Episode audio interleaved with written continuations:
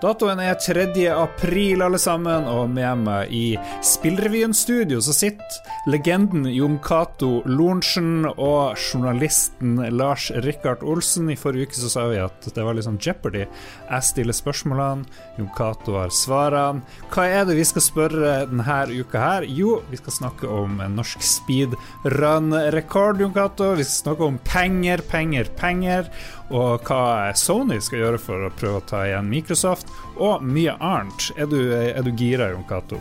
Ja, kjempe, kjempehype. Hype, hype. Jesper og er hypa, det Ja.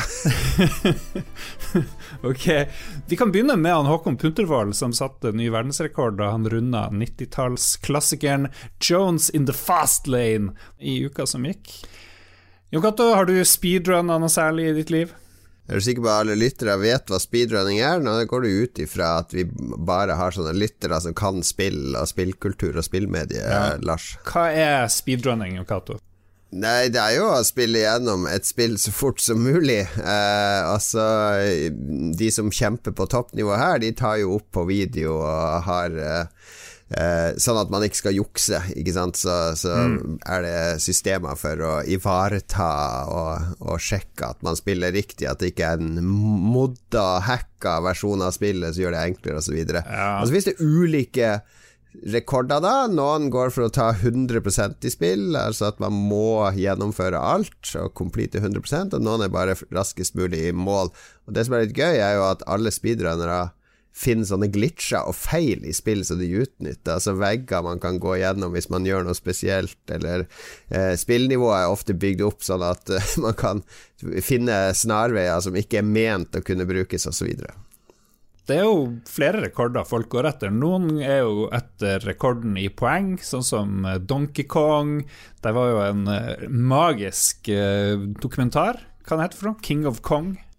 King of Kong, ja, om eh, to stykk som kjemper om rekorden, eh, med eh, veldig sånn der klisjéfylt eh, typisk bad guy i den eh, dokumentaren. Han som har rekorden, og den eh, folkelige og snille utfordreren. Så det er veldig bra drama fra virkeligheten. Ja, jeg husker bare navnet på han skurken, Billy Mitchell. Jeg husker jeg møtte han gikk forbi han i gangen i Tokyo Gameshow i 1999. Jeg ante ikke hvem han var da, men han hadde så spesielt utseende at jeg husker det enda, hvordan han så ut med det lange håret sitt og dress. Langt hår og USA-slips, det, det blir du lagt merke til. Ja. Um, hva vi tenker om speedrunning? Det er jo noe som spillutviklerne sjøl egentlig ikke tenkte så mye på, tror jeg, i starten. Det er noe gamerne sjøl har funnet på. Ja, altså, jeg husker jo når jeg jobba i Krillbite, det var jo sånn speedrunning av Among the Sleep. Og det var jo litt spennende å se på hvordan de fant de glitchene, og det fins. Hvis du er litt nysgjerrig på det her, så hvis du googler litt på YouTube etter en video med Double Fine, altså studioet til uh, Tim Shafer som lagde Monkey Island, eller var med på Monkey Island og flere andre eventyrspill de, Det er en sånn speedrunning av Psychonauts der, der han speedrunneren sitter i, eh, i rommet med utviklerne, da. Eh, og det er veldig gøy når de kommenterer på uh, alt de har gjort feil, eller alt, alle disse hullene som dukker opp som de ikke var klar over sjøl. Å Ja. se utviklere som har jobba med et spill i mange år, at spillet liksom blir uh, Du herper ikke i spillet, men du, du gjør ting i spillet som aldri var tiltenkt, som får utviklere blir litt stressa av å se det. Det er en veldig gøy video. Har du noen rekorder i noe som helst spill? Speedrunning, eller uh, har, har du havna øverst på et leaderboard, f.eks.? Uh, ja, men det er bare når vi får spill veldig tidlig. når, de, når de gir ut spillkoder til sånne eh, 500 journalister i hele verden, og jeg er veldig rask med å installere det, så har jeg sett Yes, nå er jeg best i verden. altså når spillet lanseres, så bare Ah ja, ja, nå er jeg nummer eh, 150 000 i verden. I vennegjengen så tror jeg vi kjørte hardt på Trials, hvis du husker det her motorsykkelspillet hvor du skal hoppe over ting. Det, det er Ja. kanskje det nærmeste sånn hardcore eh, kjemping. Da, var vi, da hadde vi sånn 50 beste tidene i verden og sånn, og da var vi jo veldig fornøyd. Det var jo millioner av eh, spillere, kanskje, jeg vet ikke hvor mange som spilte det. Uansett. Og så har jeg vært nummer én én gang i et spill, og det var Angry Birds Free. Fordi en kompis vedda meg 1000 kroner på at jeg ikke kunne slå rekorden hans, så han var nummer jeg vet da 40 i verden, eller noe sånt. Og så ja. kjempa jeg meg forbi han. Tok uh, ufattelig lang tid, mye sitting på do. Og så kom det en oppdatering til spillet med nye brett, og da var jeg ganske kjapp. Så da fikk jeg flere poeng enn alle andre som ikke hadde rukket å spille de nye brettene. Og da ble jeg nummer én, så da husker jeg og tok screenshot og følte meg veldig fornøyd i én dag før jeg raste nedover igjen. Har du det på CV-en din at du er tidligere verdensmester i Angry Birds? Jeg vet ikke om det imponerer noen andre enn meg sjøl, egentlig. Det er jo bare å bruke nok tid i det spillet, så får du, får du nok poeng. Det har ikke noe med skill å gjøre, egentlig. Ja, kanskje 1% skill.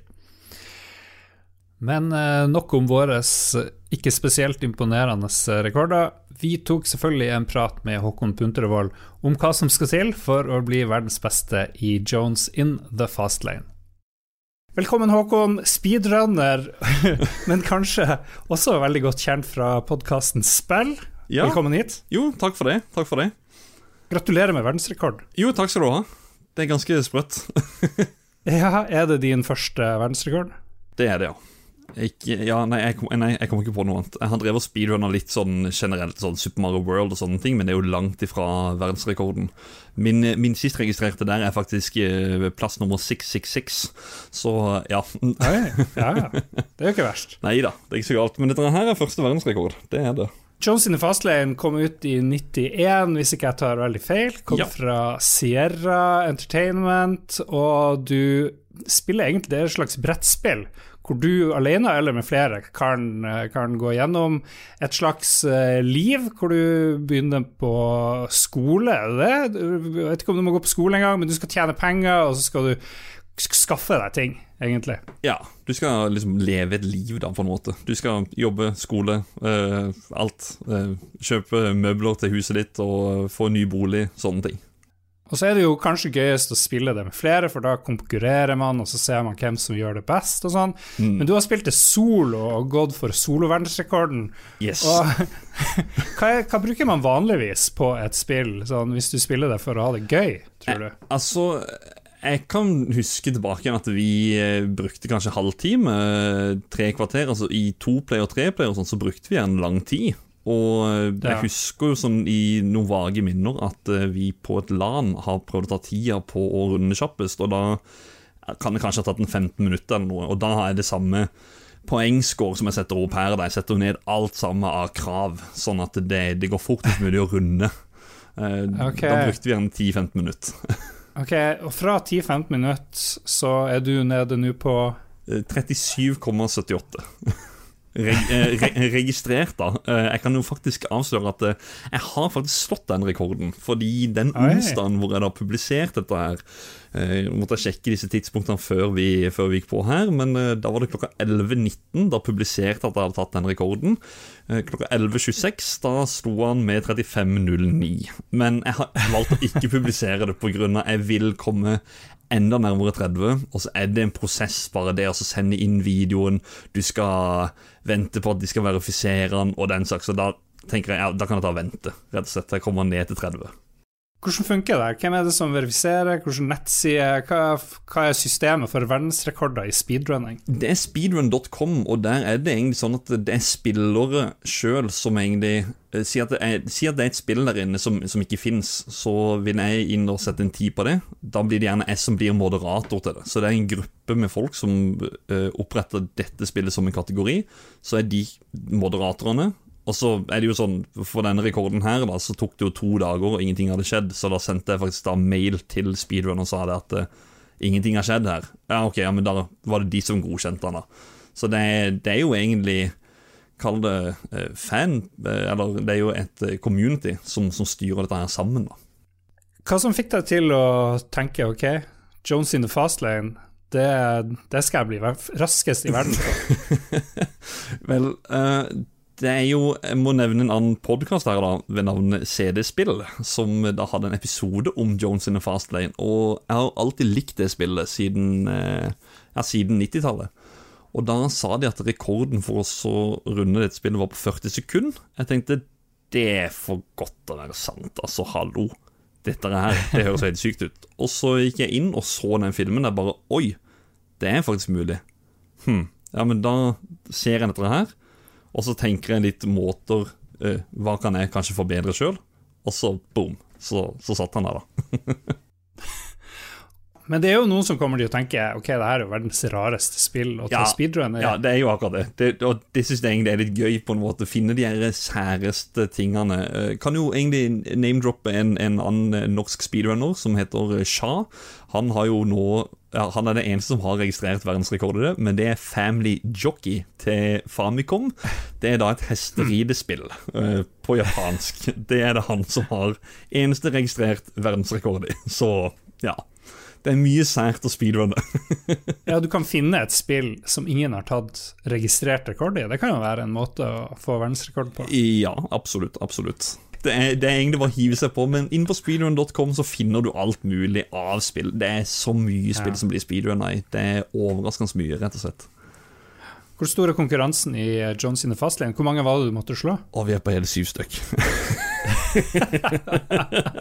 Men jeg tør jo også si det at det er, ikke, det er ikke bare syv stykk som spilte dette her, da. Så der kan jeg nesten si det er i hvert fall 100 pluss som har gode Ja. minner til dette spillet. Ja, jeg har jo sett videoen av verdensrekordforsøket ditt som, Ja. du, som du klarte, og det, det går jækelsk fort. Ja. Jeg får helsa, jeg blir superstressa, for du klikker og klikker, og jeg skjønner ingenting av hva som skjer. Jeg anbefaler alle å gå og kikke på den videoen. Ja, og så er det jo det at det er jo eh, veldig sånn RNG, altså random, om du får jobben eller ikke. Det er jo, det er jo eh, jeg vet ikke, prosentbasert eller noe i, i koden til spillet. Det, hvor mye, det vet jeg ikke. Så det, det kan hende at jeg av og til ikke får den jobben som jeg må ha, så da må jeg restarte igjen. Så da Ja, det blir noen, det blir noen restart her og der også. Ja. Men de sitter til slutt. Sony forteller at de har solgt 7,8 millioner PlayStation 5-maskiner frem til april måned.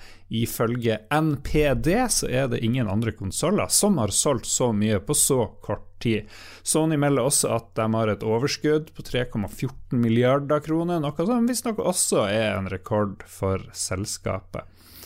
Der, der gikk du glipp av muligheten å ta liksom mattevits at de har et overskudd på pi. Ja. Pi milliarder kroner. Ja, vi har jo en mattemann med oss.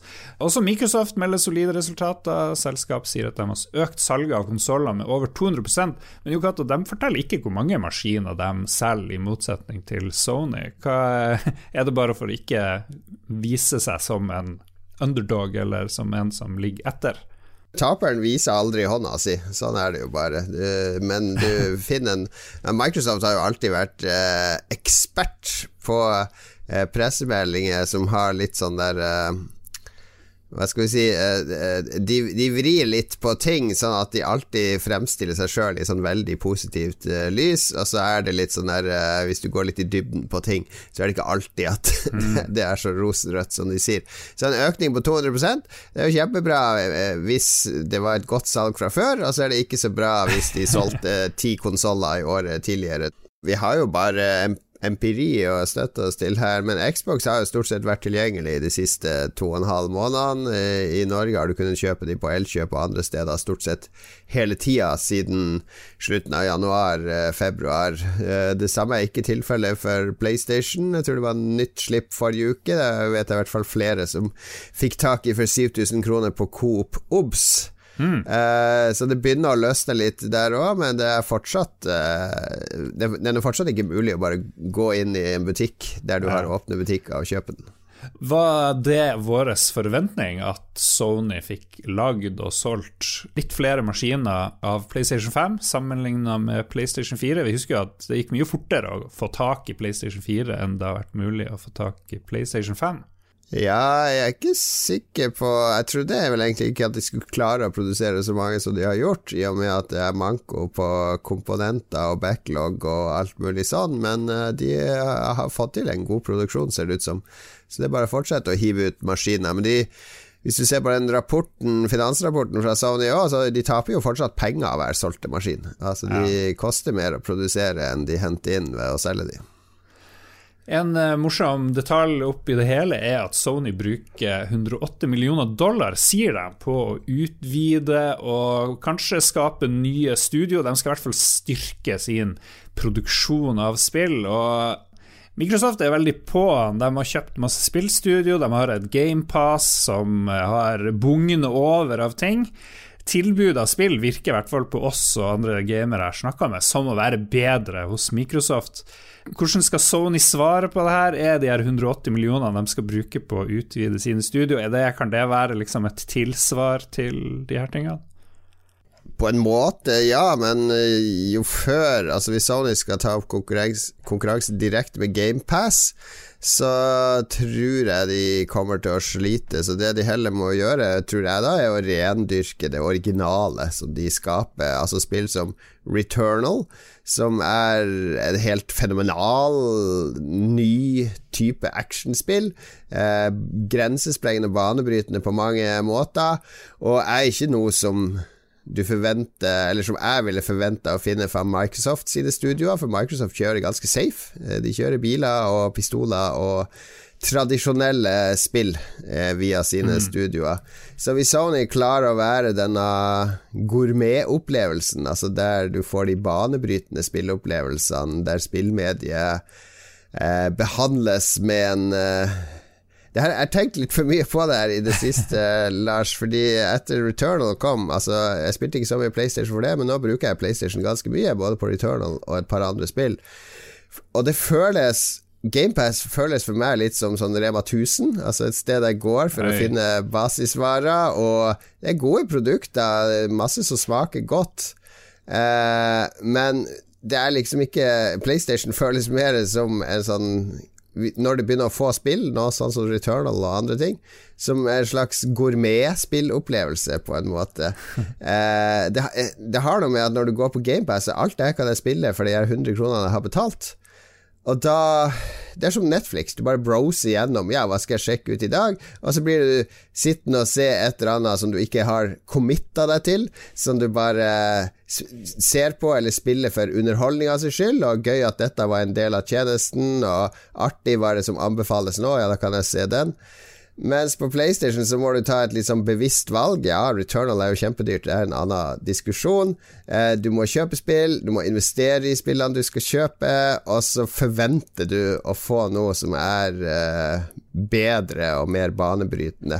Og det er jo der Sony må levere. De må jo vise at vi er ikke De må jo framstille GamePass som Lidl eller et eller annet annet. Ok, her har du en opphorving med spill greit nok et spillbibliotek, men vi er de som bringer spillmediet videre.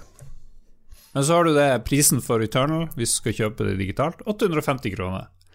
Og for det så får du åtte måneder 100 spill fra Microsoft, hvor mange er tripla og kjempebra. Så det er jo det er et ganske stort sprang. Ja, for mange vil det jo være, være sånn, men eh, det er jo også Hvis du går på en eh, gourmetrestaurant og spiser tiretters måltid med vin, så koster det deg kanskje 2000 kroner. Så kan du regne om Ja, ok, ja, det er 18 eh, turer på McDonald's, så da går jeg for McDonald's i stedet, ikke sant? Det er den kanskje litt kontroversielle sammenligningen jeg gjør nå, men hvis målet er å bli mett og, og få mest mulig måltider for minst mulig penger, som du kan si at GamePass er i ferd med å bli, så, så, er det helt greit å gå for GamePass. Jeg tror GamePass er perfekt for mange som bare vil ha spill inn i livene sine, og som ikke er uh, Nå fremstiller jeg også sånne arrogante uh, gourmet, spillgourmeter, liksom. Men, men, for meg så, så, er det Det er en forskjell i tilnærminga mi på de to konsollene. Jeg spiller Xbox nå, ungene spiller Xbox, men PlayStation føler jeg da det, det, er det jeg går til for, for å få det lille ekstra. Og nå må vi på, påpeke at vi har fått PlayStation fra Sony og Nordisk Film, men jeg tror ikke det påvirker i, i større grad her. Det, men det er konstant tankesett. Går og grubler mye på det her.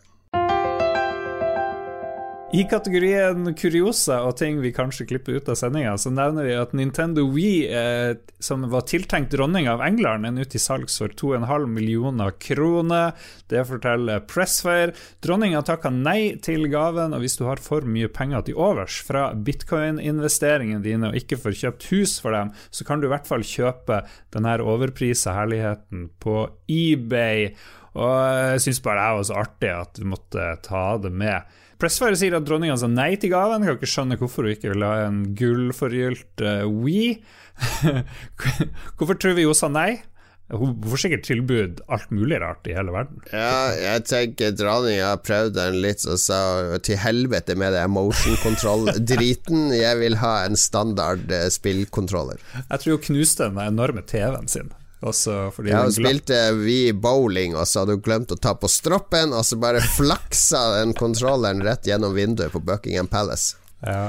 Vet vi om noen dyre spillgreier? Det her bare slenger ut, jeg aner ikke svaret sjøl. Hva, liksom hva er det dyreste du eier?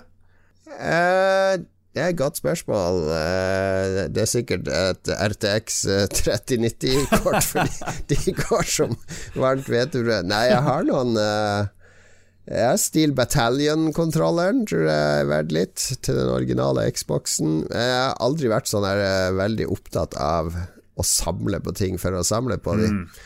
Så jeg har noen gamle Sega Saturn-spill og sånne ting òg, i original. Du, du, samler på spillblader? Det vet jeg. Der samler du. Ja, men de er ikke verdt noe som helst. Ja, det, og det er for å lese, det er ikke for å ha de i mappe, så at de skal mm. vokse i verdi. Nei, jeg vet ikke, jeg har ikke noe spesielt av verdi, tror jeg. Jeg tror dronninga sa Fuck this shit. Give me the 3090 uh, graphics card, please. Hva tror du er gamertagen til dronninga på Xbox? Coffee and biscuits 369. Coffee and biscuits 369 legger til på uh, Xboxen din.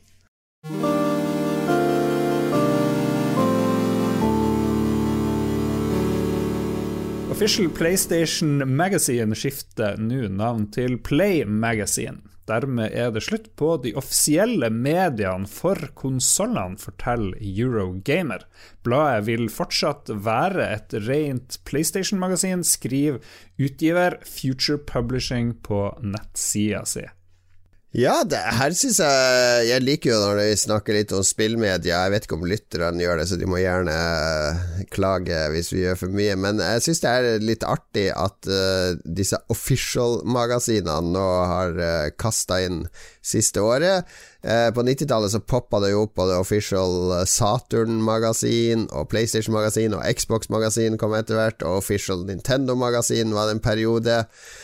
Eh, og de er, var jo en sånn forlengelse av konsollkrigen. Eh, problemet med disse official-magasinene var jo A, de hadde veldig tett samarbeid med selvfølgelig konsollprodusentene de samarbeida med, så de fikk jo masse eksklusiver og demoer og andre ting på coveret. Ja, det var så herlig. Det var jo det beste. Ja, ja, det var nesten det beste, fordi B Du kunne jo ikke stole en dritt på det som sto der, fordi det handla jo om Altså, Hvis du var PlayStation-fan og kjøpte PlayStation Magasin, så ville du at alle spill skulle få god omtale, for du ville bli overbevist om at eh, min konsoll er den beste. Så det var ikke veldig mye kritisk journalistikk i de. Men ok, det var kult å få de her demoene, det var jo artige blader for så vidt. Du fikk jo en god del info, selv om de her terningkastene var kanskje ikke helt store på. Men nå er det vel tida slutt for magasin. Fysiske magasin. Folk eh, leser spillblader i det hele tatt, gjør de det? Eh, I liten grad. De er jo for spesielt interesserte. Jeg kjøper jo, abonnerer jo fortsatt på Edge Magazine, fordi det holder fortsatt Altså, det klarer å lage stoff som har en litt annen og dypere vinkling enn de vanlige magasinene. Ja. Magasinene var jo liksom eneste stedet du fikk info, så at du kunne få tilgang til nye skjermbilder og andre ting, og så var det ingen som så de før de kom på trykk i bladet ditt, ikke sant, så det var jo grunn til å kjøpe de bladene.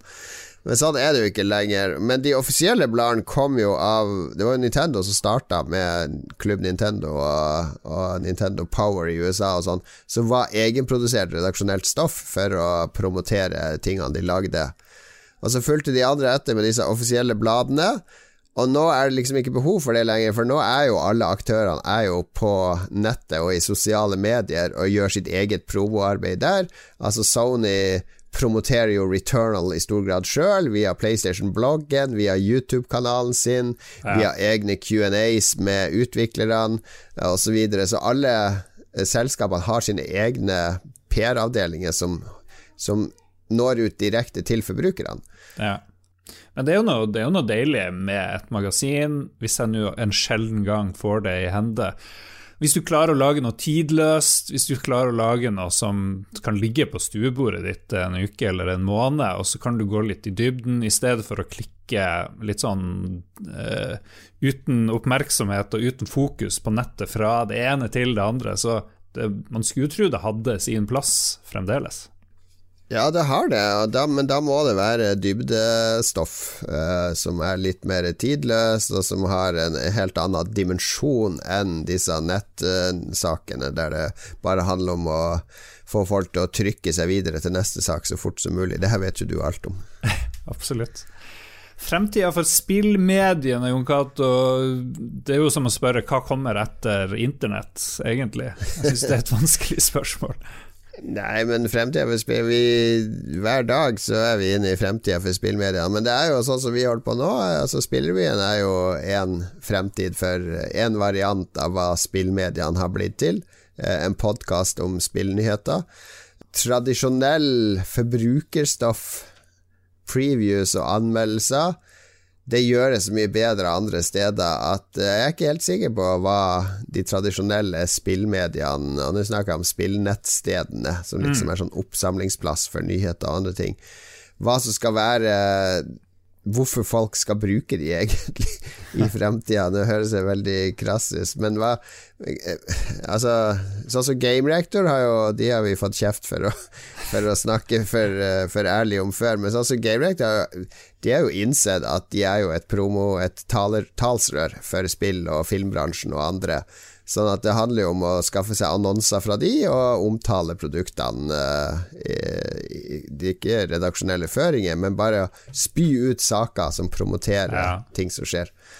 Game.no har jo sin vri. De er jo en del av det her Good Game-nettverket. De skal lage e-sportsarrangement og eventer. De har tatt eierskap over e-sport og uh, har posisjonert seg som en av de ledende på å dekke e-sport i Norge, ikke sant? Og der, uh, det er jo også uh, en, en, veldig gunstig sted å være med tanke på å arrangere turneringer og ligaer og sånne ting.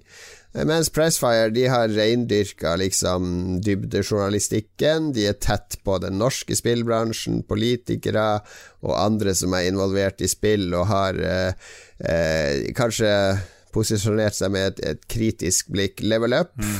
har jo blitt en ren sånn community-kanal, eh, altså en sånn der eh, redaksjon der, der du bygger personlig forhold til alle som er i redaksjon. og eh, som lager stort sett underholdning.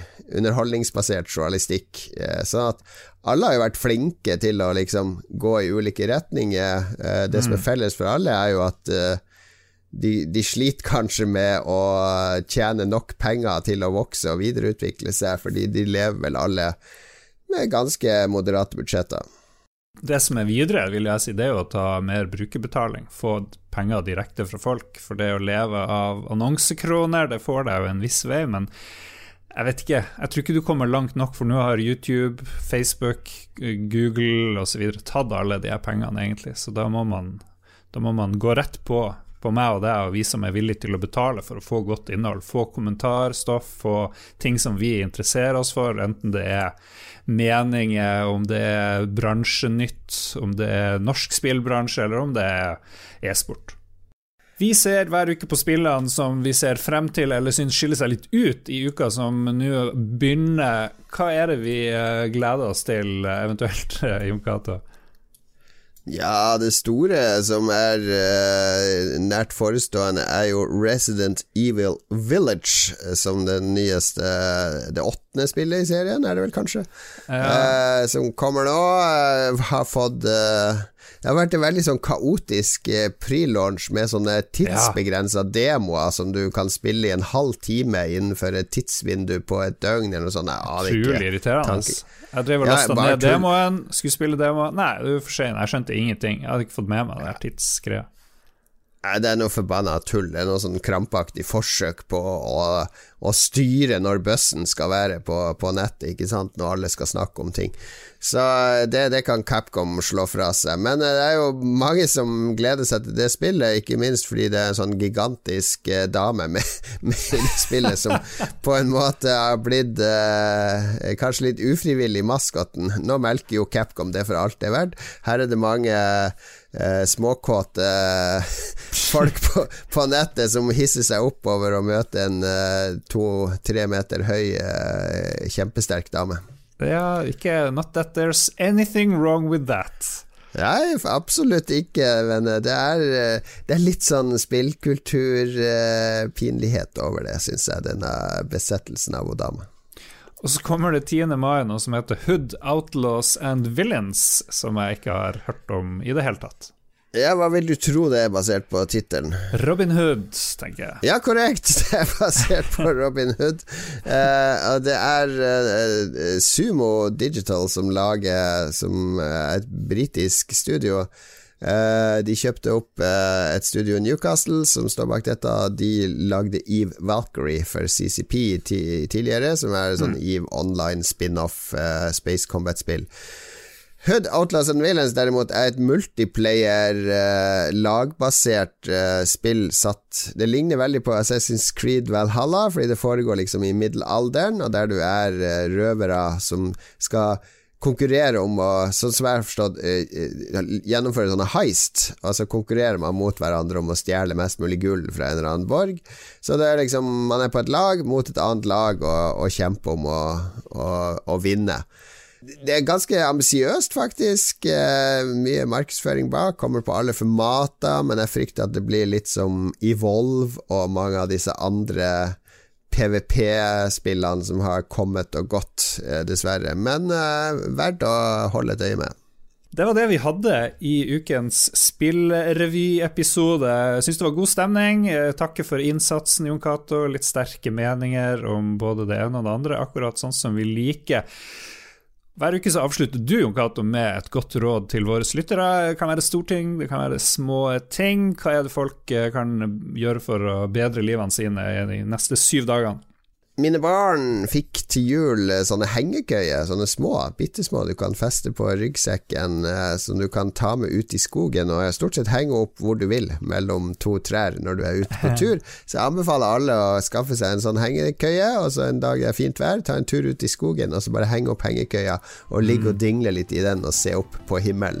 Det er terapi. Det er terapi, og det her var Spillrevyen. Takk til alle som støtter oss på Patrion. Det kan du også gjøre på patrion.com slash lolbua, hvor du eh, kan bidra til eh, vår hovedpodkast, eh, men også våre sideprosjekter. Der har vi Rage Quit, som har egen feed, og de er ganske artige. De er ganske heavy. Det er 18 års aldersgrense og mye harryfaktor. Sjekk oss ut, pressfair.no, og støtt norske spillmedier. Vi snakkes om en uke. Ha det bra.